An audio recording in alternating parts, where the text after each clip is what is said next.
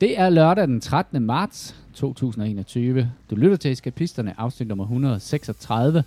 Eskapisterne er en podcast om gaming for voksne. Mit navn er Christian. Min medværter er Jimmy og Kasper. Velkommen til.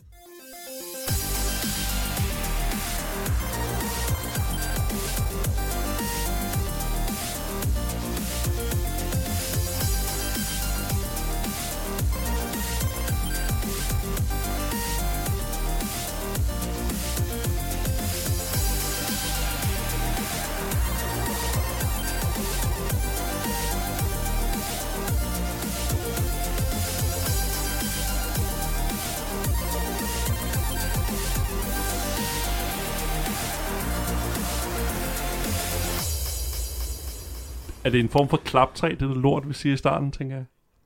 Ja, det er det faktisk. Det er det eneste. Det er den, den eneste funktion, det har, det er at synkronisere vores stemmer.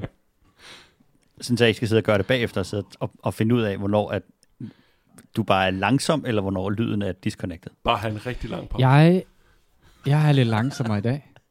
Det er jo lørdag, og vi optager lidt uh, for skudt. Vi har blevet nødt til at udskyde uh, podcasten med et par dage. Lørdag har en anden energi. Og vi optager også for skudt, fordi øh, Kasper han har optaget sit for svarene for et par timer siden, Ja. og nu skal vi have det til at matche, hvad Ja. det vi siger. Jeg er Det er på, en rigtig ja, spændende optagelse. ja, ja, prøv lige, hold, vi skal lige, prøv lige sige det igen, vi skal lige have det rent. Det bliver en rigtig spændende optagelse. Fint. Nej, øh, vi har husholdningen her, øh, har fået en hundevalg. Og øh, Den er den mest fantastiske hundevalg. ja, du har også set Ja. Det er Pibi. Pibi er kommet øh, hjem, og øh, Pibi er en øh, lille sort øh, labrador, øh, som er ekstremt kærlig og øh, legesyg og nysgerrig, og øh, sover cirka øh, to timer i gangen, og står så op og forventer, at øh, der skal øh, gås på toilettet, og der skal leges med øh, tøjdyr. Så øh, der var, der var ær- ærligt talt lidt, lidt pres på øh, i den her uge her, så vi valgte sgu at, at smide øh, podcasten hen på en, øh, en lørdag, hvor, at, øh, hvor der er lidt mere tid, lidt mere overskud. Jimmy og Kasper, velkommen til. For fanden. Tak. Det er Åh, dejligt. oh, det er godt. Jeg har Vi har vi også fået spillet alt muligt jo. Ja, ja, ja, det er jo det jo. Det er jo også det. Og så kom jeg jo til at love øh, på vores øh, Facebook-side, at øh, den her gang, der kommer podcasten ikke til at handle om øh, Valheim. Bliver det svært? Ja. så lille tak for i aften. øh, ej, vi skal, vi skal prøve at gøre det bedste. Men jeg har faktisk heller ikke fået spillet Valheim i den her uge her, fordi at... Øh, Og vi glæder os til at høre, hvorfor. Ja, jamen, jamen, det er jo, ja, den hoved, hovedårsagen er jo, det er jo, det er jo hundevalpen. Man kan ikke sidde øh, med, øh, med høretelefoner på og være dybt øh, fokuseret på at spille et eller andet spil, og samtidig er der en hund, der står og skider bag ved en. Så der skal man bare finde øh, et eller andet. et eller andet. Det må ikke være noget, det skal være noget, du kan pause, med andre ord. Noget, man kan pause, fra. noget, noget, man kan gå fra, noget, man kan lige uh, sætte på pause. Så har vi et par tips senere. øhm, og det har været, ja, det har i hvert fald præget uh, den måde, jeg har spillet spil på. Så når stormen den øh, raser, og dit øh, skib bliver angrebet af en søslange, og hunden den gør antræk til at krumme ryg bagved dig, så, så kan du vælge, om dit udstyr skal gå ned, eller hunden skal skide på gulvet. Tricket til at, hvad det hedder, ja, altså, øh, vi sad og snakkede om det hen over aftensmaden, at uh, den der hund der er jo solkongen. Ja. Det er jo uh, hver eneste gang, at den skal tisse, uh, det, og det, det handler jo om at, at, hvad det hedder, at lære sin hund at tisse udenfor, og ikke tisse på gulvtæppet. Så det gør man jo ved at tage den ud øh, hver anden time, og, selvom den, man ikke ved, om den skal tisse. Og så øh, venter man, og så når den tisser, så fejrer man det jo, som om, at øh, den lige har bestedet Mount Everest. og øh, hvis den skider, så får den, så, altså så er jubelen ved jo ingen indtag. Så det er jo, altså det er jo, det er jo en hund, der lærer, at når den skider, så klapper folk. Og det er, Der er lidt, der er Det- lidt ja, Louis over den. er lidt øh, nordkoreansk øh, diktator over, over sådan en, øh, Men også et, hvis, et hvis. I belønner den med godbidder, hver gang den har været ude at skide, så har den jo bygget en evighedsmaskine. Ja, det gode ved øh, hundetræning er jo, at øh, den er i modsætning til os andre, hvor at vi forventer en vis øh, lønstigning gennem vores karriere, så er det en omvendt lønkurve, når det gælder hunden, fordi de behøver ikke at have belønning, for det sidste så gør de det bare, for så har de glemt, hvorfor de, hvorfor de skal udenfor. Det er jo også grunden til, at jeg går på arbejde. Inflation har gjort, at jeg har glemt, at jeg skal have noget for det. ja, ja. der er en negativ, øh, negativ lønstigning. Nej, øh, men det, ja, så det har været en uge, der har været præget af øh, en del andre ting, øh, end, øh, end lige øh, computerspil. Øh, men øh, skal, vi, skal vi hoppe lidt ud i det, for der er jo sket en lille smule i, i, i verden, trods alt, øh, af computerspil. Øh, jeg øh, sad lige og læste en artikel, øh, han, som handlede om, at øh, Bethesda Softworks nu officielt er en del af Xbox-familien. Og det, vil, altså, det var jo ikke, øh, det var, var det lige før launch af Xboxen, hvor at uh, Microsoft uh, sagde, at nu havde de altså købt uh, Bethesda. Um, men det er først nu, det er sådan ligesom er officielt, og det fejrer de så med at uh, putte en del uh, af Bethesdas uh, spil ud på, uh, på, uh, på Game Pass. Det må også være vildt lige at gå ud og købe lidt ind, og så skal det så lige godkendes af EU. Men, øh, men hvis man smider øh, 7,5 milliarder dollars på bordet, så er der åbenbart nogen, der, øh, der har en mening om, om man må det eller ej.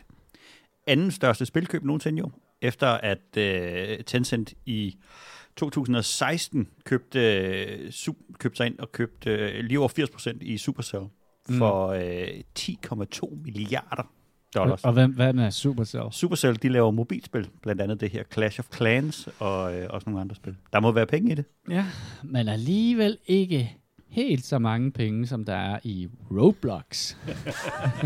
Ej, en god segway. Det er. Roblox, det er et, øh, et spil, mine børn er meget, mit yngste barn er meget, meget glad for at spille. Det er sådan en, en øh, det ligner en grim, grim øh, Minecraft-klon. Jeg hader alt ved det. Men, men det, der er ved det, det er, at det er åbenbart relativt nemt at skrive mods til.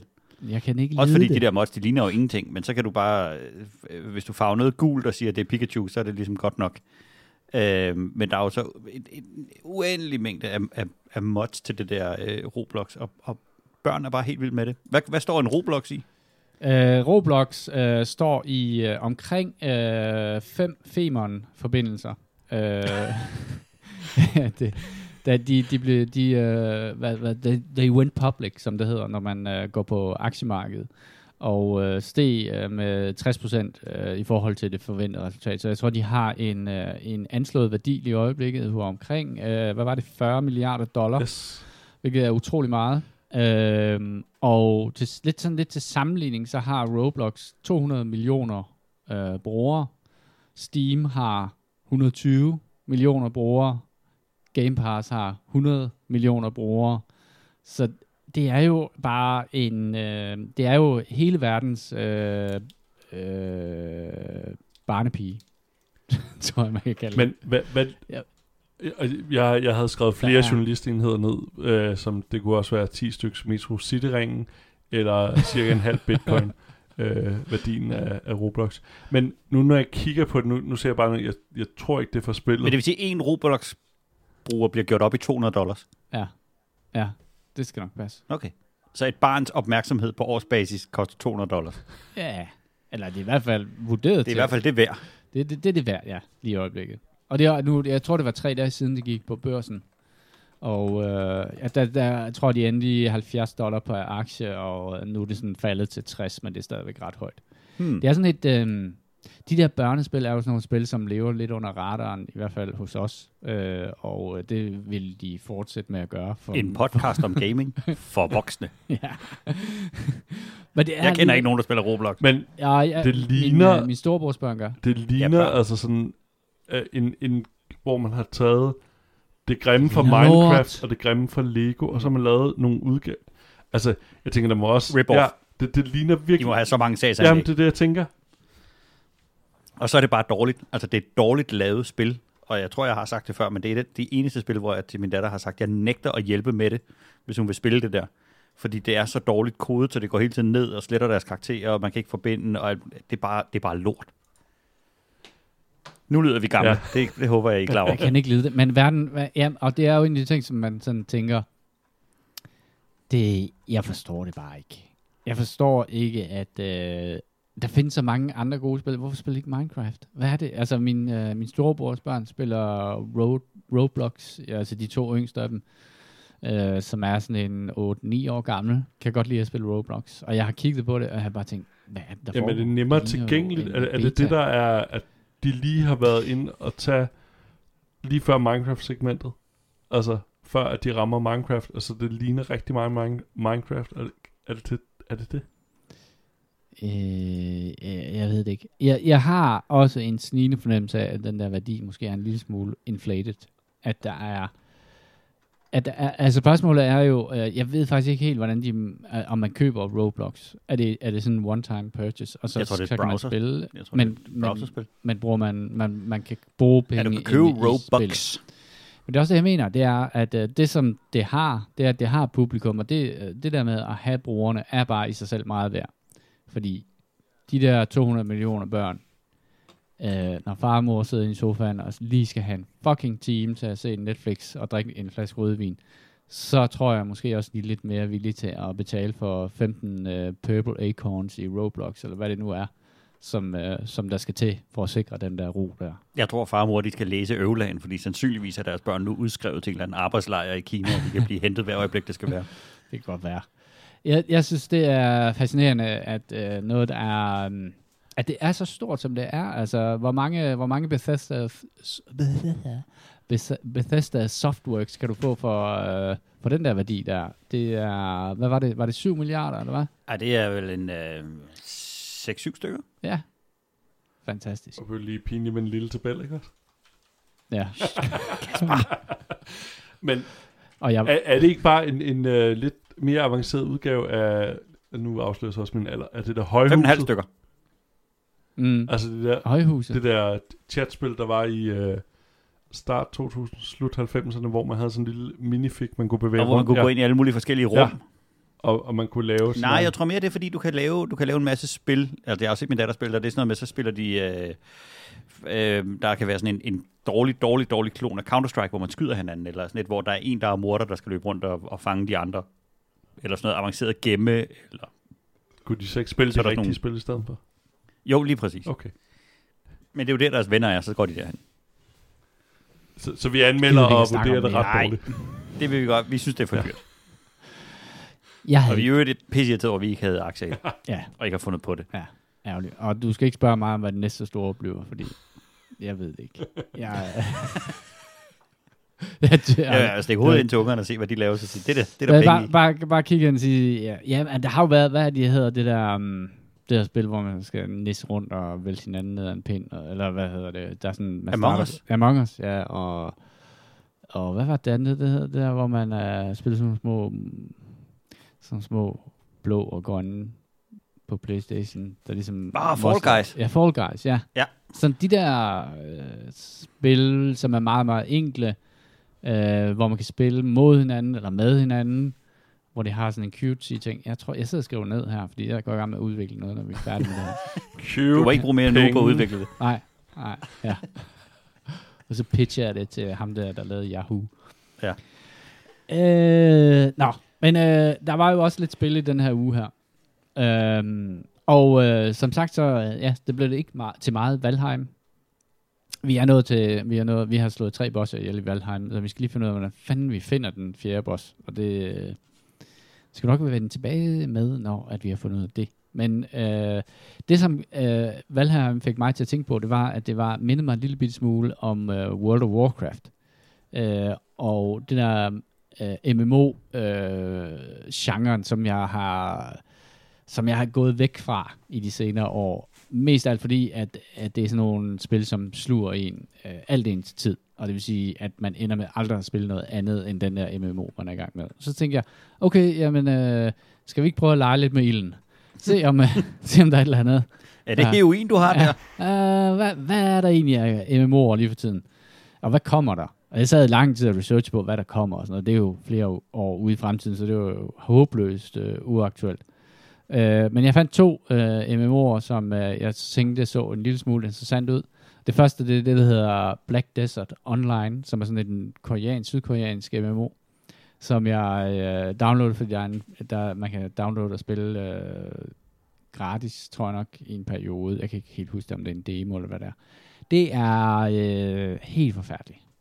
det, jeg, jeg downloadede det både på PC og på Xboxen. Christians dom.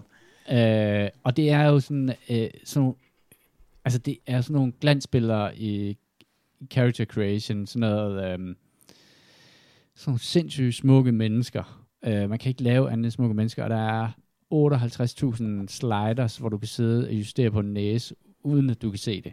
Øh, og uden at du kan lave nogen, der er grimme, sådan rigtigt. Øh, og så er det alle sammen sådan nogle, øh, at det ligner jo sådan, altså der, der er det ligner sådan noget, øh, sådan, sådan som man forestillede sig fantasy var i 90'erne. Øh, sådan virkelig campy, øh, men, men med de her meget, meget smukke mennesker, der hele tiden står i sådan en pose. Øh, og øh, du kan ikke øh, vælge, hvis du vælger en klasse, så vælger du også et udseende. Og det, det var jeg jo sur over til at starte med.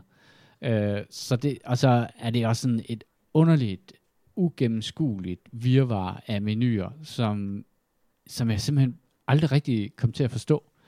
Øh, så det lagde jeg altså pænt på hylden, øh, og så kastede jeg mig over det næste spil, som var som er anden, det anden største Jeg nåede jo at downloade Black Desert Online. det? Det vil jeg, det vil jeg være, men, men da jeg havde set interfacet og character creation, så, så stemte jeg simpelthen imod nogensinde at lukke det op.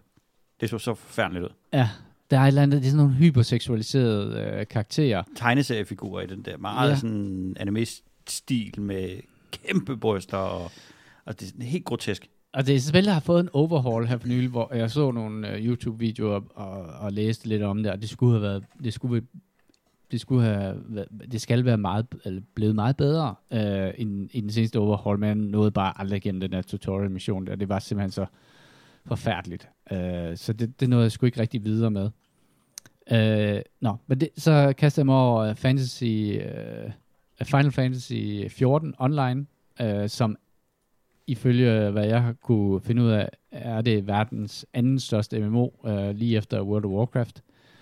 Et spil, som øh, kom i 2011 øh, i en version, som øh, bredt blev afvist af alle. Øh, og så øh, tog øh, udviklerne simpelthen spillet offline og lavede det fuldstændig om. Øh, og så kom det i en version, der minder om øh, den, som, som øh, vi har i dag. Øh, og blev en kæmpestor succes. Øh, jeg, jeg kender ikke noget til øh, Final Fantasy-universet, øh, og efter hvad jeg sådan kan forstå, så er Final Fantasy en flygtig størrelse i forhold til lore. Det er ikke øh, sådan et, øh, et spil, som har, har det samme univers fra spil til spil. Øh, der er få ting, der går igen. En af tingene er de her mærkelige ridedyr, de her chocobos, som er sådan en, en strus. Og så øh, nogle øh, sådan japansk anime cutie racer. Og øh, jeg må også indrømme, da jeg sådan loadede det op, jeg købte øh, sådan en starter edition, som kostede 109 kroner. Og med den der fik man øh, grundspillet og så øh, den første expansion. Jeg tror, der er to andre expansions. Hvis man skal have hele pakken, så koster det omkring 400 kroner.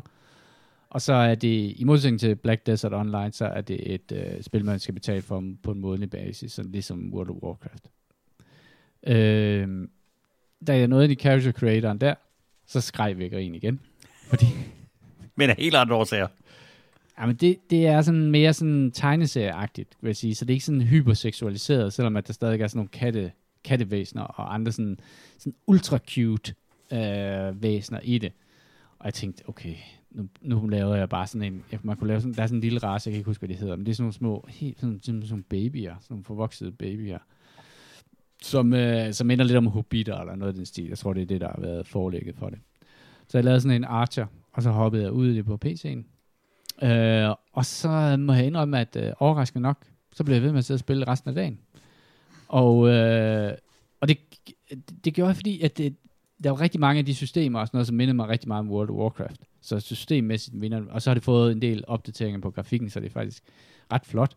Og meget, meget øh, velfungerende. Selvom det har sindssygt mange systemer, så er der ingen boks i det overhovedet.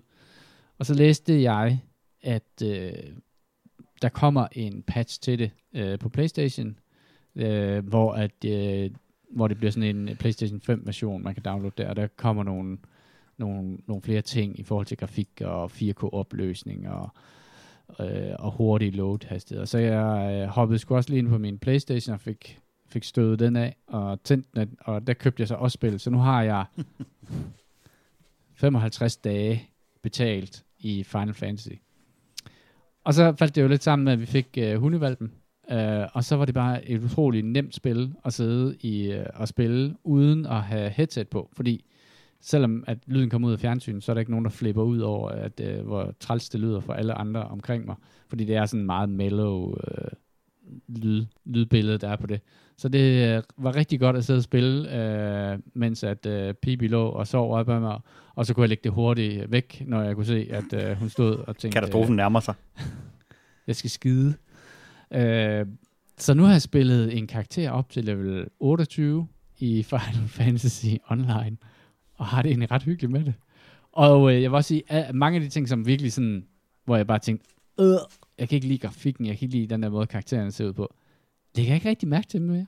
Det, det, øh, det gør jo det, som alle de her MMO'er gør, det er, at du, du ser små belønninger sådan i en, i, i en afstemt øh, mængde, så du sådan hele tiden føler, at du opnår noget, og du hele tiden lige får øh, det næste level, og det næste mærkelige system åbner sig op, og lige om lidt kan du få dit eget ridedyr, og, og så er det sådan øh, et spil, som har sådan en, øh, en ret øh, gennemgående sådan storyline, som man kan følge. Der er selvfølgelig 10.000 millioner af quests, som du kan kaste over, men du kan også mainline det, sådan at du kun laver storyquestene, og den er egentlig okay, den der historie der. Man, man føler i hvert fald, at man kommer frem i den. Den er lidt langsomt fortalt, men, øh, men øh, jeg hygger mig med det.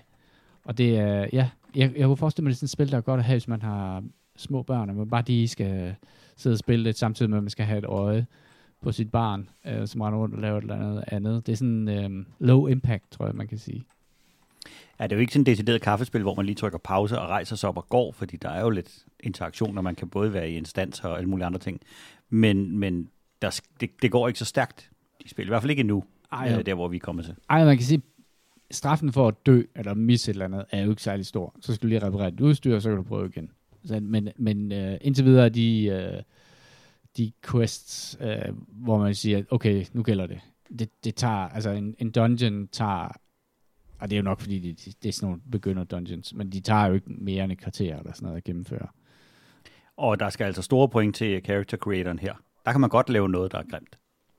Ja, det kan man. Det gjorde du. Gø og gokke. Du har lavet en kæmpe, og jeg har lavet en, en lille dværg. Ja. Og øh, det bliver sjovt at mødes. Eller... Jeg er utrolig fascineret af, at man kunne blandt de mange skægstil, der var, vælge tandbørste over skægget. en historisk klassiker.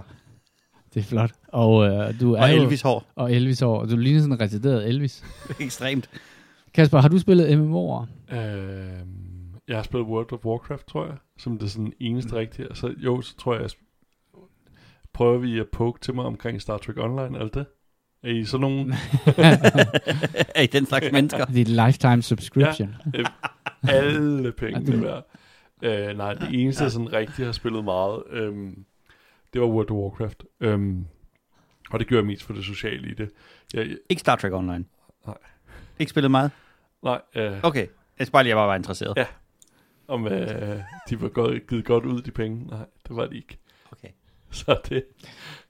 Jeg vil sige, uh, tit når jeg starter en MMO, så har man sådan lidt stress på, fordi at alle andre er i gang med at levele væk fra en, og sådan noget, særligt hvis man starter det sammen, og man tager det virkelig alvorligt, og man, man synes, at det her det er bare verdens bedste ting. Her var det lidt sådan, jeg sad, jeg sad, jeg sad hele tiden og ventede på, okay, hvornår kommer det der, som gør, at jeg bare tænker, fuck, det gider jeg ikke. Så jeg var overhovedet ikke investeret i det. Uh, og det tror jeg måske, at det er en af de grunde til, at jeg blev ved med at spille det, det er, at jeg er meget lidt investeret i det.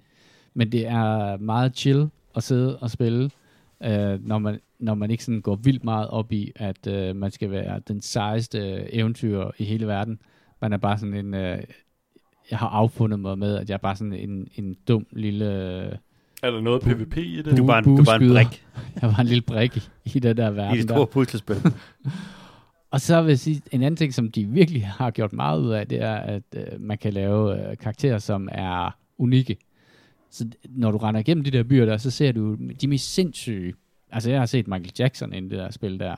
Så det den der mærkelige japanske blanding af science fiction og fantasy. Og, altså Michael Jackson, er, er det en, uh, en PC, der er der inde i spillet? Nej, ej, det var en, det var en spiller, okay, ja. der havde... Og der er en pose, som uh, minder om den der klassiske Michael Jackson pose, uh, hvor han står i det der hvide jakkesæt med hatten. Og så stod der sådan gut, og han havde hatten, han havde jakkesættet, han havde, øh, han havde det hele. Det, det, det var Michael Jackson, der stod der, og ved siden af stod der sådan en eller anden øh, barbar, og på den anden side øh, en, øh, en kriger i noget science fiction outfit. Det er det mærkeligste miskmask af alt muligt. Og historien er jo også sådan, at man er på den her eventyrplanet, som bliver invaderet af nogle fjender udefra, og de der fjender er tydeligvis øh, sådan nogle, der kom der er kommet rejsende rumskib og sådan noget, men det bliver ikke nævnt med et ord, at, øh, det, er, at, at det er sådan en interplanetarisk øh, invasionsstyrke. Det er men bare du sådan, startede også op i sådan noget steampunk-agtigt øh, verden med Ja, ja, industri og sådan noget. Jeg, jeg startede det, fordi at jeg trykkede løs på noget andet, i sådan en eller anden øh, middelalder sørøver-ting. Altså, det Ja, der er, de der, der er sådan tre houses, som hver har der. Den ene er de der sørøver, og så er der så er sådan nogle... Jeg startede faktisk op ude i sådan en skov, tror jeg, fordi jeg er sådan en bueskyder, og sådan... Øh, øh, og de, de kommer fra, Vokset op de, i jorden som en svamp. de kommer alle sammen fra skoven. Og så er der den tredje, som er sådan en øh, mærkelig... Ja, det ved jeg ikke rigtig, hvad det er. Øh, Det er sådan en, de har sådan en slot. Og, og man kan så alliere sig med de, en af de der tre houses der, og tjene faction points, og bla bla bla. Der er 10.000 systemer, man kan level op i. Øh, jeg har bare tænkt mig at bruge mine øh, 53 dage, og så se, se, om jeg bliver ved med at synes, det er sjovt. Men lige nu synes jeg faktisk, det er sjovt. Øh, og det klør den der kløen, som jeg troede, jeg havde glemt, jeg havde, som er den der trang til at se sit lille karakter blive lidt bedre. Med bitte, bitte små musetrin. Øhm, Få lidt finere tøj på, så du lidt større monster ihjel. Så du kan få lidt finere tøj på, så du Ja. lidt større monster ihjel. Og så vil jeg sige, at en eller anden mærkelig grund, så virker det mega godt med controller. De har virkelig, virkelig været dygtige til at lave en MMO. Jeg troede aldrig, man kunne lave en MMO, man kunne spille med en controller sådan rigtigt, øh, med, med den mængde af skills og sådan noget. Men det gør det. Det virker bedre faktisk, end øh, at sidde og, og, have en hel masse øh, nummertaster på sit øh, tastatur, man skal ramme, øh, og så kommer man til at trykke på 8 i stedet for 7. Så vil jeg faktisk sige, så er det, så er det nemmere med en controller, fordi der er begrænset antal tastetryk, og så kan du skifte layers med, med nogle knapper, sådan at hvis du holder right bumper nede, så er det, øh, så er det det her layer, og så opnår man faktisk rimelig hurtigt at kunne manøvrere ret, ret godt rundt i det. Særligt compat-delen af, det- af, af controlleren faktisk overlegen øh, tastatur og mus. Og det, det jeg, jeg, øhm, jeg synes, det er hyggeligt, og jeg er bange for, jeg, jeg, på den ene side er jeg lidt bange for, at jeg bliver rigtig grebet af det, fordi jeg, jeg ved godt, hvordan det kan være med sådan nogle MMO'er, det er, at man pludselig bliver grebet af det, og synes, at det er det vigtigste i hele verden at deltage i et eller andet åndssvagt raid. Og stå, ligesom vi gjorde det, vi spillede Anarchy Online i flere timer, og vente på et eller andet spawner, og så øh, er der en 2% chance for, at man får et eller andet med sig hjem, og så kan man gøre det hele dagen efter, bare for at man kan få et eller andet udstyr. Det en af de ting, som jeg faktisk godt kan lide ved det her også, er, at PvP-delen, den eksisterer, men det er ikke det, der er endgoalet i det. Det er ikke sådan, at du skal haste igennem øh, story-indholdet øh, for at i virkeligheden bare for et eller andet øh, et eller andet PvP-del, som der er i for eksempel øh, i rigtig mange af de her spil, Guild Wars 2 og, øh, og også i øh, hvad det hedder, Skyrim Online, det der Elder Scrolls Online, hvor det også har sådan en meget udbygget PvP-portion øh, af det. PvP fylder meget lidt i det her spil, og det gør faktisk også, tror jeg, lidt, at, at communityet er meget, meget hjælpsom, øh, og meget, meget søde og meget tilgivende. Man spiller jo også, altså alle spiller sammen, øh, det vil sige, at PC-folket øh, spiller sammen med øh, controller-folket. Og det kan jo selvfølgelig godt være lidt besværligt, særligt når man skal kommunikere med PC-folk, som der kan man sige, der har tastaturet en åbenlys fordel, at man meget, meget hurtigt kan skrive chatbeskeder i forhold til, hvordan man gør det på en controller. Men indtil videre er der ikke rigtig nogen, der har været super snaksalige, øh, men, øh, men meget hjælpsom alligevel, og et fedt community. Øh, der går, der, det findes desværre ikke på Xbox. Øh, jeg sad og læste lidt op på det, fordi det ville være det bedste sted at have det, øh, for mig i hvert fald, men øh, der var en artikel, der, der har længe gået rygter om, at det skulle komme på Xbox, øh, men de var så ude at sige, at det var nok ikke lige, øh, det var ikke lige deres roadmap at lave en Xbox-version af det her spil her, men ja, jeg synes, det er, det er et dejligt spil. Det er cross-platform, øh, cross-progression også, øh, så, så jeg kan spille det på PC, jeg kan spille det på, øh, på, på Playstation. Og så gav dem også en mulighed for rent faktisk at få tændt den der Playstation der. Øhm, Kasper, du har været, du har været inde og kigge på, på din kirkegård. Ja, og øh, et andet, der fandt jeg et uh, spil, der hedder Apotheon, øh, som er et, øh, side-scrolling øh, 2D-spil, øh, men det med det interessante øh, twist, at det ligner en... Øh, de der, Ej, det kan jeg godt huske. ja, de der græske krukker der. Hele spillet er lavet ja. som det. Øh, og det var det, jeg blev fanget af i sin tid, da jeg købte. Øh, og så fik jeg så ikke spillet det, men det, det var klassisk mig. Øh, og det er derfor, jeg ligesom er ligesom i gang med den proces med at grave linjen frem øh, fra kirkegården. Og nu blev det den her, der blev udsat for det. Øh, historien handler om, at man er en øh, ung mand, der vågner op i en by, øh, som er under angreb. Øh, så slår man det der angreb tilbage. Men samtidig så er alle øh, dyr og crops, øh, hvad hedder det, hvad hedder det, korn og sådan noget, ved at forsvinde hen. Det er fordi øh, Zeus han er pisse på menneskerne, og så har han befalet guderne, at de ikke må give deres gaver til menneskeheden. Så man skal op lige og lege lidt med nogle guder, øh, og det er sådan, hvad kan man sige, historien i det. Øh, jeg synes bare alene det, den måde spillet er lavet på, synes jeg ligesom var nok til at, hvad hedder det, at jeg købte spillet i sin tid. Øhm, det kan blive lidt forvirrende, fordi at, øh, hvad kan man sige, det der er sket, jo længere vi har udviklet sig i tiden, jo bedre er, hvad kan man sige, tegning og perspektiv er blevet, og det, det bliver en lille smule forvirrende, når man sidder og spiller lidt, så jeg, jeg synes, det er meget ret lige at tage nogle pauser med det.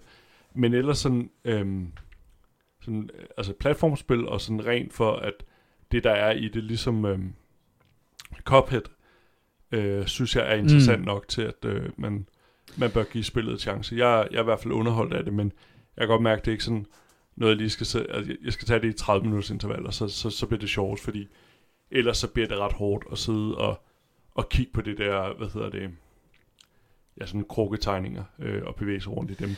Man falder lidt... Jeg ejer det også. Ja.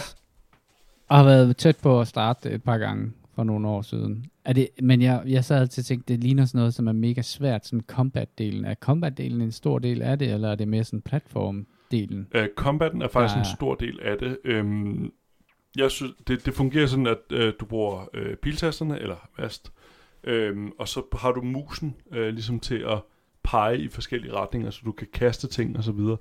Jeg synes, det bliver lige lovligt avanceret nogle steder, men øh, øh, så har man både nogle ting, man kan kaste med, og man har nogle normale slagvåben, og så har man skjold, man kan bruge. Men det, det er revet, lavet på en relativt nem måde at gå til, og så styrer man ligesom med musen, hvilken vej man vil kigge hen med sin, med sin figur.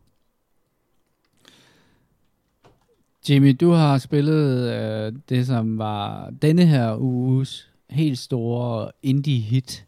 Øh, sidste uge var det Valheim. Nu er det noget nyt. Nyt, nyt, nyt. Ja, Hele tiden. Noget skal jo vurderes til 40 milliarder dollars. Og nyt, nyt, nyt. Jeg har spillet øh, det, der er åbenbart er på alles læber, har jeg fundet ud af efterfølgende. det hedder Loop Hero. Mm.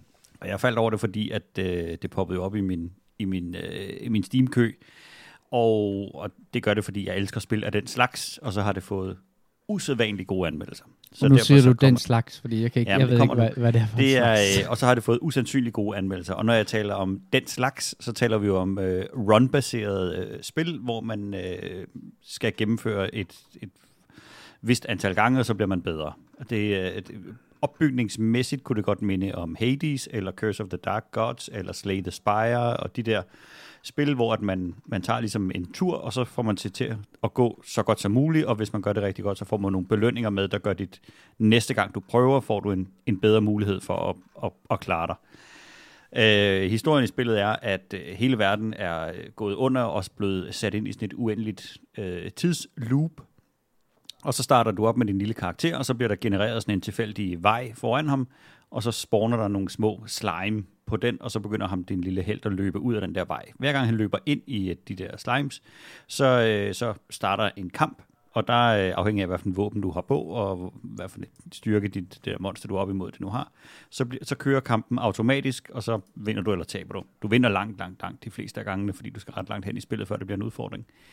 Øhm, men der, og så løber han så rundt på den her, og der sker ikke andet, end at man møder de samme meget, meget low-level monstre, og så løber han rundt, og hver gang han løber over start, eller den der camp, så kan han, øh, så kan han vælge at samle de ressourcer op, som monsterne har droppet, øh, og så kan han stikke af, og hvis man stikker af, når man passerer start, så kan man gøre det og tabe ingenting. Hvis man vælger at stikke af, når man er et eller andet tilfældigt sted på ruten, får man 60% af sine ting med, og hvis man bliver slået ihjel, så får man 30% af sine ting, eller sine ressourcer med ud, fordi han samler pinde og sten og sådan nogle ting op. Og dem bruger man til at bygge sin by med, som en af de ting, der giver dig løbende muligheder. Og det, som spillet så handler om, så er det, at man i det her loop, det er så øh, den der tilfældigt genererede vej, den, øh, den er jo så øh, bygget op af en masse små firkanter.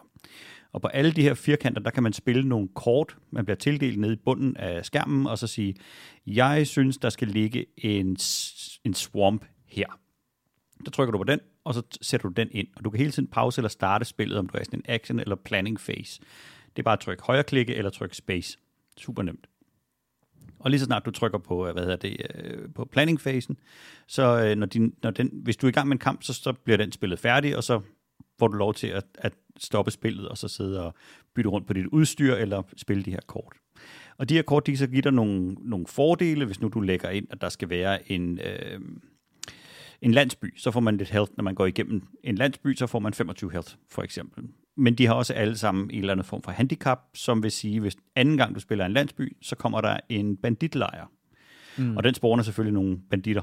Og alting er så tidsbaseret den her, så der går et vist stykke tid, så begynder den at spawne flere og flere af de her.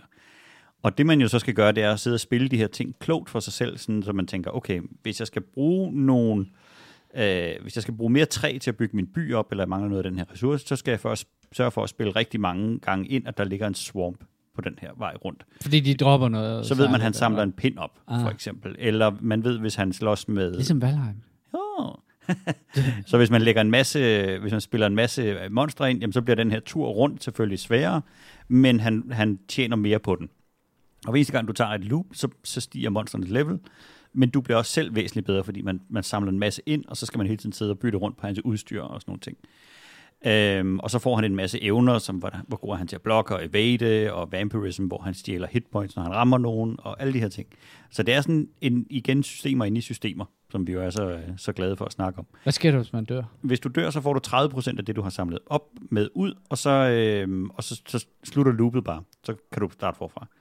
Øh, men hver eneste gang, du så er færdig, så kommer der så en, en lang række muligheder, hvor du kan bygge du har sådan en lille by, du kan bygge på, som giver dig øh, en, et bedre run næste gang. Du kan få nye kort, du kan spille ind, hvis du har bygget nogle bestemte huse i byen. Du kan starte med bedre procentdele på nogle forskellige ting, og du øh, kan sådan blive bedre. Så der er, der er noget deck building, der er noget city building, og så er der det her loop, hvor du sidder og, og kigger på ham her, der løber rundt og bytter udstyr på ham, og, og sådan sidder og hæpper på din vedløbshest faktisk, at den, den skal helst komme i mål. Ikke? Og så er det jo hele tiden den der med ikke at overextende. Man skal hele tiden tænke, skal jeg tage et loop mere, eller skal jeg tage et loop mere? Jo mere man så bygger ind på den her bane, altså på det her loop, så er der sådan en lille bar, der stiger, og når den ligesom er nået til max, og man har puttet rigtig, rigtig mange ting på, øh, så spawner der et, øh, en boss inde i, dit, øh, i den der, hvad hedder det, øh, startknappen, eller startfeltet, og så skal du kæmpe med den. Men du kan selv vælge, hvornår du vil gå til bosskampen. Du mm. kan også vælge, at, at du sidder helt vildt fedtet med at spille ting ind. Øhm, fordi så, så, kommer du ald- så kommer den der boss aldrig frem. Så laver du bare flere og flere og flere og flere loops. Øhm, og, og for eksempel, hvis man lægger et stykke bjerg ned, så får man fem oven på sit max hit points. Hvis du lægger et stykke bjerg ved siden af et andet stykke bjerg, så får du fem hit points for at lægge bjerget, og plus fem per bjerg, den ligger adjacent til. Mm. Øh, så der er meget sådan spekulation ah, i, hvordan man sidder og arrangerer okay. de her ting. Øhm, så, så det bliver også hurtigt meget taktisk, hvordan man sidder og lægger det. Og selvom man kan pause den hele tiden, så kan det godt blive enormt stressende at sidde med. Men meget øh, virkelig nytænkende øh, run-based. Ja, ja, ja, det virker som om, det er meget, altså, det er card game, det er en, der er nogen, der beskrevet lidt som sådan et idle game, men det, det lyder ikke som om, at det er et idle game. Jamen, det kan det sagtens være, fordi du kan godt bare sætte det til at løbe, ja. og så, så står den jo bare og kører. Så hvis du ikke dør, så kan den jo køre... Så kan den stå og køre ret langt. øhm, men, men hvis du skal have noget ud af det, altså, så, så bliver det et spil, du skal investere rigtig, rigtig meget i. Mm. Og sidde og planlægge på, hvis jeg nu gør sådan her, hvor kommer den? Og hvis jeg lægger mit 10. mountain brick ned, så ved jeg, okay, så, begynder, så bliver det til et superbjerg, der begynder at spawne harpies. Så kan jeg lægge en treasure chest herover, og lige så snart den er helt omringet, så er den helt udnyttet. Så får jeg ekstra ressourcer ud af den, men så begynder den at spawne gargoyles, der flyver ind på banen, og så, så man kan hurtigt overvælde sig selv, hvis man ikke planlægger de her ting, og man kan også gimpe sig selv rigtig meget, hvis du lægger de her felter dårligt ned. Jeg har set dig sidde og spille det, og du var meget optaget. Du så ud som om, du havde det godt. Du, du, nu ved jeg, at du elsker de her... Øh, ja, men jeg, var, jeg havde det rigtig godt. hvor, hvor er vi på den uh, nu uh, veletablerede Valheim-skala fra 1 til 10? Uh, hvor, hvor, hvor, hvor fedt er det her? Det er et rigtig, rigtig fedt spil. Det, som jeg faktisk synes, det lider lidt under, så er det sin, den pixelerede øh, grafik. Den vil helt klart gerne have den der lidt charmerede øh, pixel art, øh, som ligner sådan noget, øh, noget 8-bit øh, grafik. Øh, det vil køre, det vil se fint ud på 64'eren. Men, men problemet er så, at der er relativt mange ting, du skal holde øje med. Og, og det kan godt være svært at miste overblikket, for det kan være skidesvært at se, om noget det er en bandit camp, eller øh, en øh, mining camp, eller hvad det er. Man skal lige sådan sidde.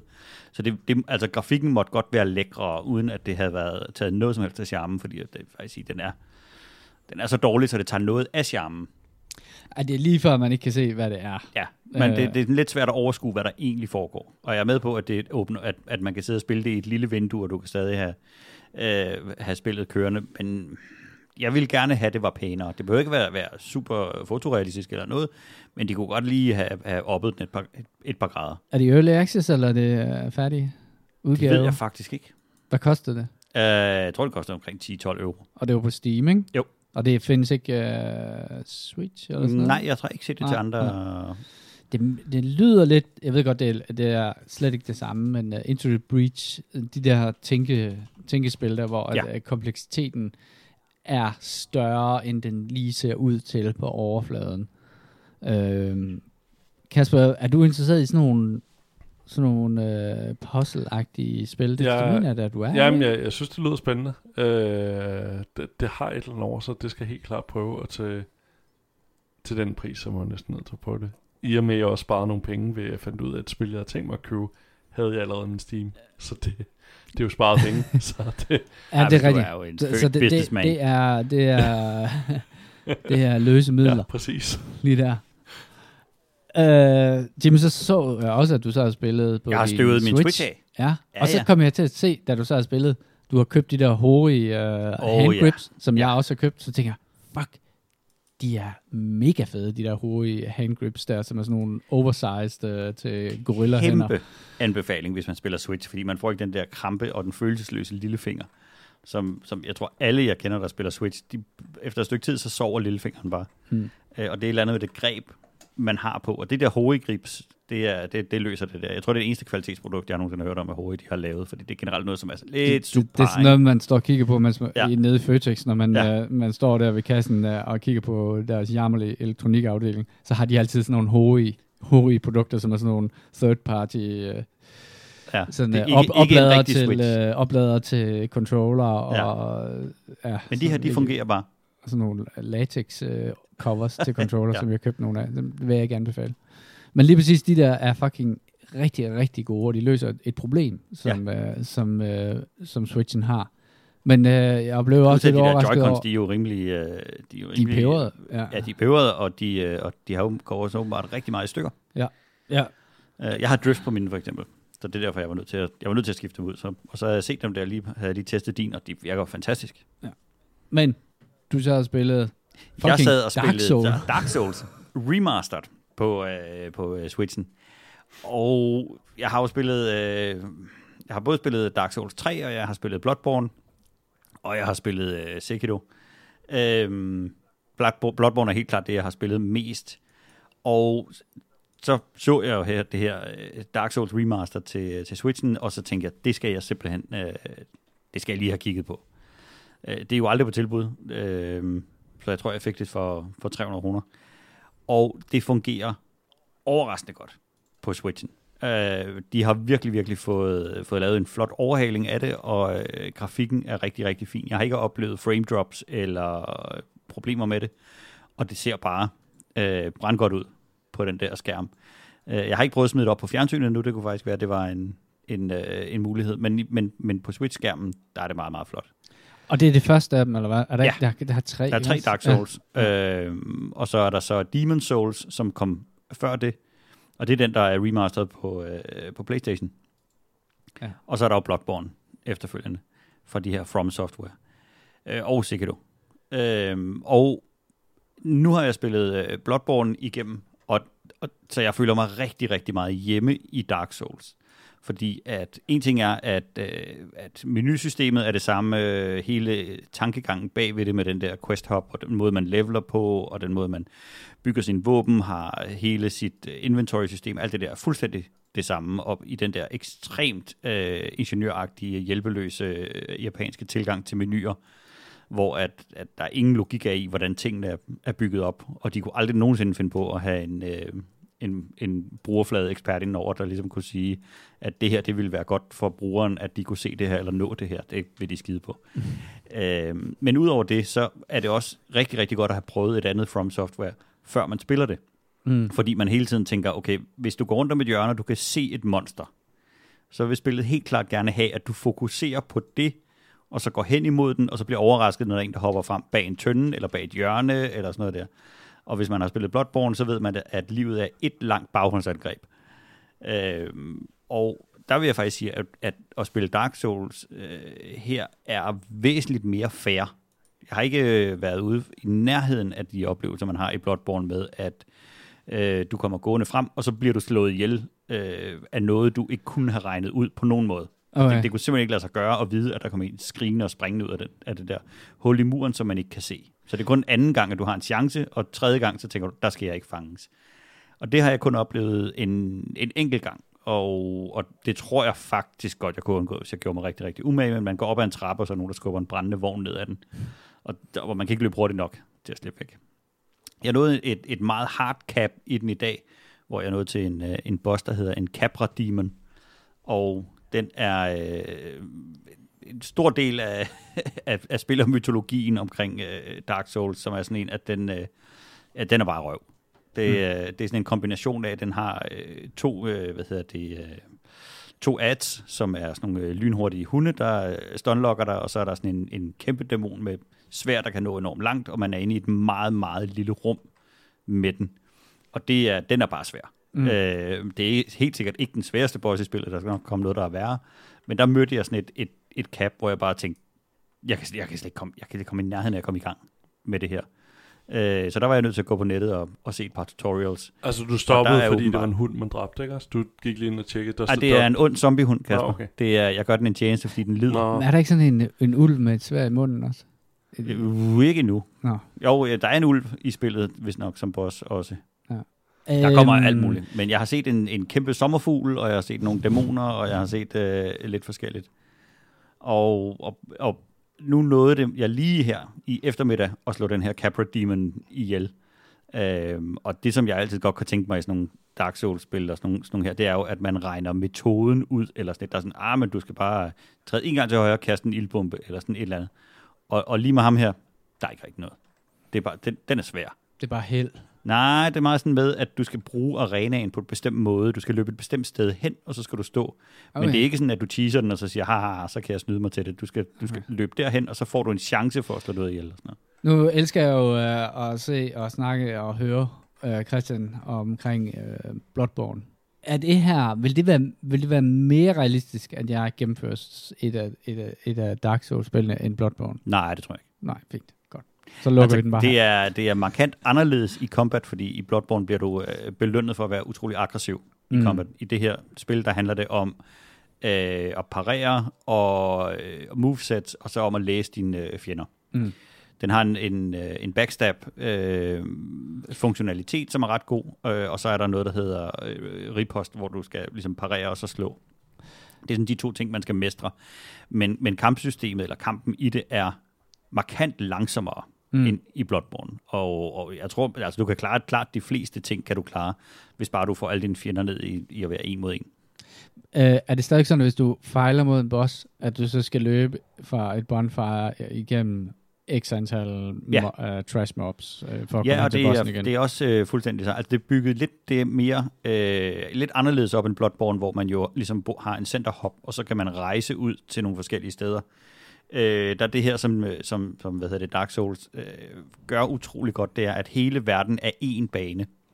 Og så åbner du bare genveje op i sådan en, noget, der må være utroligt kompliceret, øh, stort kort, fordi det er hele tiden sådan med, at så finder du en dør, som leder ind, som går til en bagvej til en kloak, og så kommer du op i den startbase, du var, men det, man synes jo, man har løbet 15 km i den ene retning. Ja. Men så har man så tonnlet tilbage og snørklet rundt om sig selv og sådan noget der. Og der er ingen kort funktionalitet, så du har bare husket det der i hovedet jo. Ja, det er klart. Øhm, nå, men så springer jeg også det over. Er det, er det sværere end er Sekiro? er det sværere end Sekiro? Øh, nej, jeg synes Sekiro faktisk var sværere. Okay. Ja. Så jeg, jeg, jeg, jeg har spillet et tværspil. Okay, jeg, det skulle bare Har vi lige snakket ja, ja. om øh, om det der Elden Ring, hvor der blev lækket sådan en video? Øh, Jamen, det er jo From? Software her med Ja. George R. R. R. Martin. ja, og jeg ved ikke, om vi, har vi snakket om det på podcasten? Nå, der blev lækket den her video her. Det er jo sådan det næste store, man går og glæder sig til for From Software.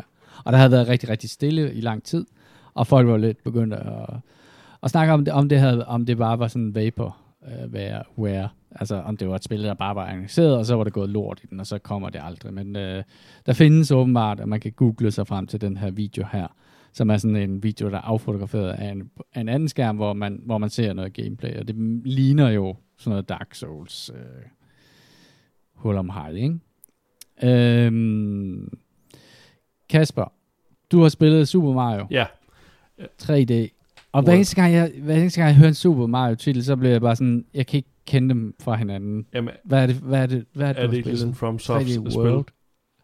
Er det FromSoft? Nej, det, jeg, Er der, er der, jeg, føler Er lidt, jeg, føler lidt det, det samme. Øh, hvad hedder det? Det er run-based. Jamen, og, og der er, hvad hedder det, man får lov til også at prøve at gennemspille det mange gange, altså når man fejler. Øhm, jeg, ja. Øh, ja, Kæft, hvor ser det ja, godt ud. det ser ret godt ud. øh, Super sidder Mario, lige kigger på en video. Ja. Super Mario 3D World. Øh, det er originalt udgivet til Wii U, øh, men den nu så kommer til Switchen med Bowser's Fury, som er et eller andet spil, der følger efter, når man har gennemført det. Hvad med ham der Bowser? Det er Det er ham skurken, Ja. ja. som er sådan en skildpadde dinosaurus. Oh, præcis. Ja. Så er alle med nu. Og du er en italiensk, øh, hvad hedder det? Han er cirka læser. 4 fod høj ja, okay. i virkeligheden. Der kan man bare se. Øh, Bowser, Lui- eller hvad? Luigis øh, penis er øh, 3,7 tommer i øh, slaptøfland.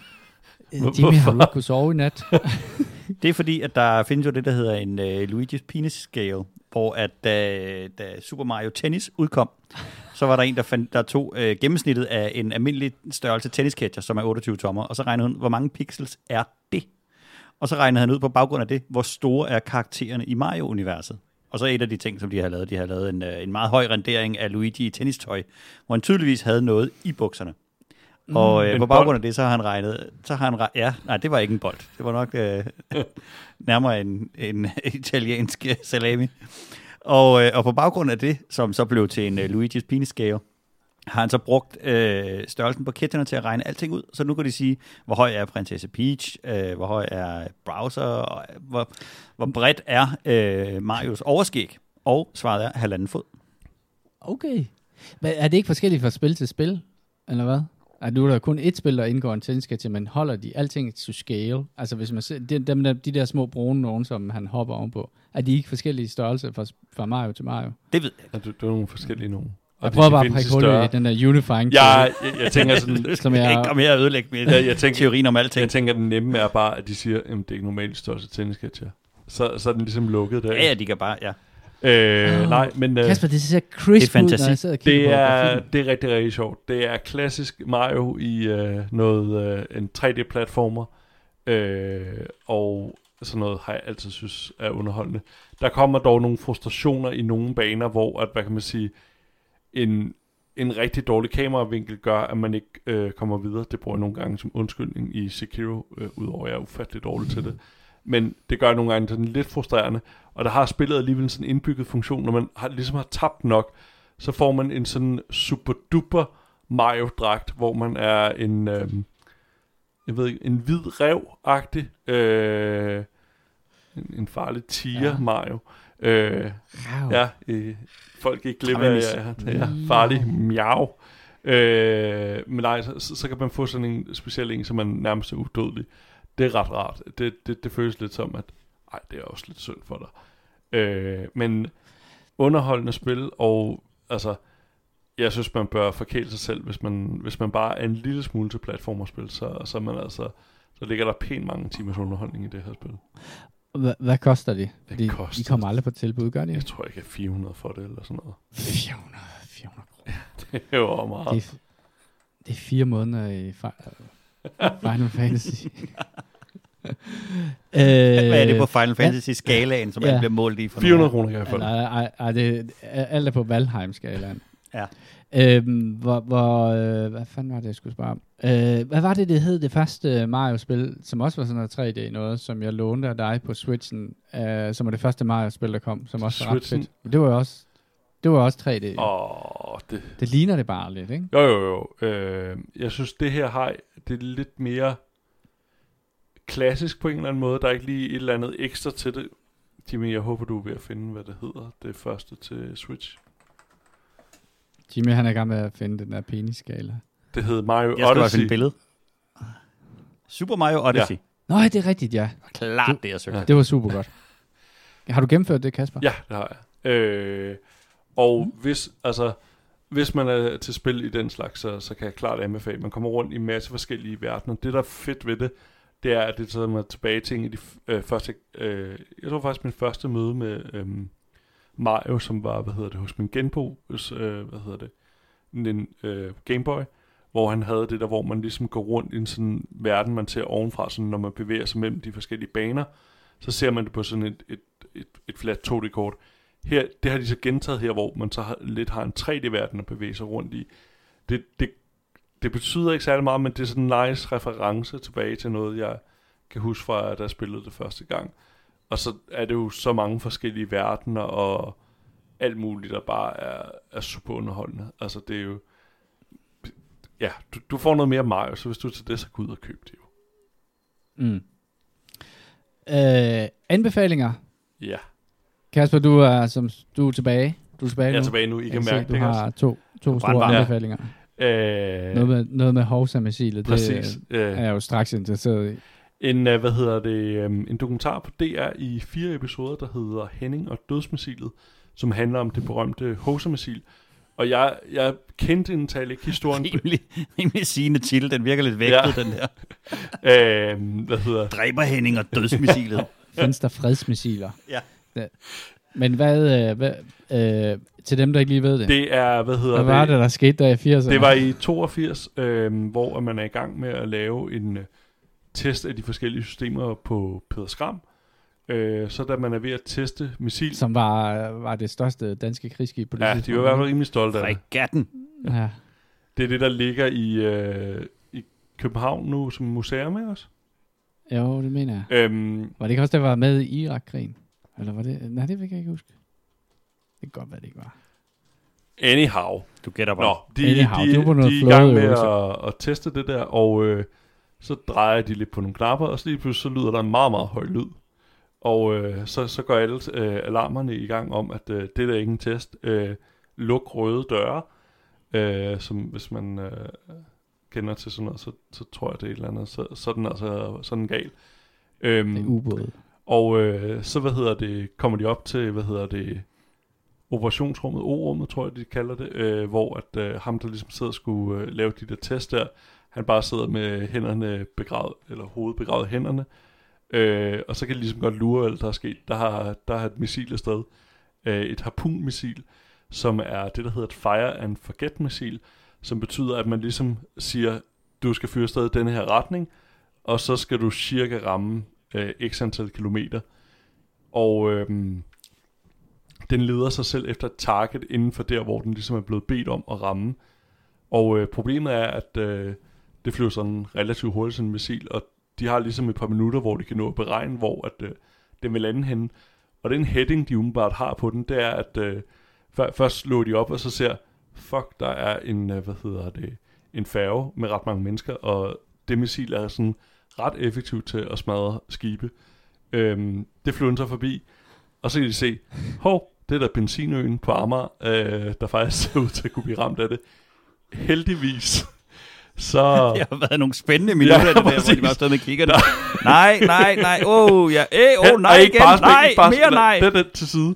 Øh, fordi de kan jo ikke styre det. Lige så snart den er fyret afsted, så, så, så lever missilet sit eget liv. Øhm, men den der rammer så heldigvis et øh, sommerhusområde øh, op ved Sjællands Odde, øh, hvor at der, der kun sker noget materiel skade. Øhm, og det der så, hvad kan man sige, interessant ved det, det er hele efterspillet omkring det, fordi at det der er jo grundlæggende øh, grund til, at Danmark også købte det missilsystem, det var, at missilen kunne aldrig fyre af, uden at nøglen sad i, og den nøgle lå op i et pengeskab, fordi at man ville ikke have, når man testede det. Men det gjorde den så alligevel. Og så er der altså bare et blame game i gang, fordi så kommer der nogle amerikanere øhm, og siger, det er fordi, jeg tester systemet forkert. Hvilket jo er lidt sjovt, når man har en sådan dødmandsknap, hvor det kan aldrig ske, medmindre at den sidder i der. Øh, der, Ja. der er lidt et spil i det, fordi at øh, den der amerikanske virksomhed, øh, et eller andet, og McDonald's, de har sådan et bruttonationalprodukt, eller de har en større omsætning i hele Danmarks bruttonationalprodukt. Nej. Så der er sådan lidt et par penge på spil, og fordi øh, den amerikanske virksomhed har solgt det til en del andre lande. Og man kan måske også forestille nogle konsekvenserne ved, at, hvad hedder det, der sejlede nærmest sådan konstant en øh, russisk fiskebåd efter øh, Peder Skram, som så var øh, en, hvor de selvfølgelig havde en masse af overvågningsudstyr. Det er bare fordi, det er meget, meget... der Ja, ja, præcis. Der kommer Ja. altid efter en øh, frigatten, der, der kommer altid en god fiskestime. Så der, der kunne ligesom ske nogle meget uheldige konsekvenser af det, og så handler det om hele det der øh, retssag, der er efterfølgende. Og jeg, jeg synes, det var enormt interessant, fordi jeg havde bare hørt om det der hosermissil, og ham, der bliver Mm. beskyldt for det, og hele det spil, der er efterfølgende, hvor at, øh, altså, mennesker ligesom bliver offer som øh, skakbrikker. Øh, den kan jeg klart anbefale. Øh, den ligger på DR. Henning og dødsmissilet. Og Så har han. den skal, jeg, den skal jeg helt klart se. Jeg, Øh, jeg synes virkelig, den var jeg god. kan ikke udtale det næste, men det kan du garanteret. Hvad for noget? Jeg kan ikke udtale det næste, du har skrevet på listen. Øh, Veritasium, øh, som er et fiktivt grundstof. Øh, det er en YouTube-kanal, Mhm. øh, som handler om alle mulige øh, videnskabelige emner. Øh, handler, hvad har de derinde? De har om øh, sådan nogle store sol, øh, hvad hedder det, vandreservoirer. Øh, men jeg vil anbefale en, en, en god måde at komme ind i øh, nogle af deres videoer. Det, det er enormt øh, forklarende, han er ude og besøge forskerne og sådan noget. En video, der hedder øh, Why uh, Things That Bends Are Better. Øh, det handler om et område inden for mekanik øh, og hvad hedder det, ingeniørvidenskab, der hedder Compliant Mechanics, som handler om, øh, i stedet for at bruge fjeder og lignende ting, øh, når, når man skal trykke på en knap, som, hvor at ting bøjer rent faktisk fungerer meget bedre og ikke laver slitage. Og det er rigtig interessant, fordi det bliver også brugt på nogle satellitter, hvor man undgår en masse slitage og ting, altså holder langt bedre. Og det, det er både fra helt store produkter øh, og bliver brugt i øh, de amerikanske atommissiler, hvor man ikke ligesom vil have, at der kommer en misfire, apropos det vi snakkede om før, øh, hvor at du kan lave, opnå en ekstrem høj sikkerhed med det her, fordi du kan indbygge nogle mekaniske failsafe i det. Øhm, og så bliver det brugt i øhm, nanoelektronik, hvor man også bruger nogle af de samme koncepter. Og det, der er interessant i den her video, det er, at hvis man har en 3D-printer, så ham, der ligesom er øhm, the godfather of øh, det, der hedder compliant mechanics, de har lavet en masse sådan nogle compliant mechanics ting, man selv kan printe på sin 3D-printer. Og nogle af de ting, man kan, øh, nogle af de knapper og øh, fjeder, jeg lavede lavet Airco's man kan lave, de føles enormt fascinerende. Jeg, jeg, jeg havde en af mine venner, der, der lavede to af dem til mig. De, de er virkelig fede, altså når man står med dem i hænderne. Øhm, og det, man kan dykke sig ned i masser af videoer inde på den kanal der, men øh, videoen Why Things That Bends Are Better, det lyder rigtig kedeligt, men det er ligesom da jeg anbefalede ham, der løste det der Sudoku-video. Man bliver virkelig grebet af det. Det er enormt fascinerende. Øh, så en øh, stor anbefaling af den også. Det er en, det er en benhård anbefaling så. For det var godt, det der Sudoku. Præcis. En, flexi- en, en fleksibel anbefaling. Ja. Øh, hvad? Far joke lige der, Jimmy. Ah, det er. Jeg kan også. Nå, det er lørdag. Ja. For helvede. Ja. Vi, skal, vi skal ud og drikke lidt mere rødvin. Øh, og så vil jeg sige øh, til alle lytterne, husk at I kan jo finde os, og det har I jo allerede gjort, men øh, du kan anbefale til andre, at øh, de skal gå ind på eskapisterne.dk øh, og, eller på iTunes, hvor I bare skal søge på Eskapisterne. Du kan finde os på Spotify, samme søgeord. Du kan skrive til os, og det er på vores Gmail, som er eskapistpodcast at gmail.com med forslag til spil eller emner. Vi er på Facebook, så subscribe på vores Facebook-side. Det er facebook slash eskapisterne. Det var alt for denne udgave af Eskapisterne. Hvis du synes, at podcasten er god, så del den endelig med dine venner – på vegne af Jimmy, Kasper og mig selv, tak fordi I lyttede med.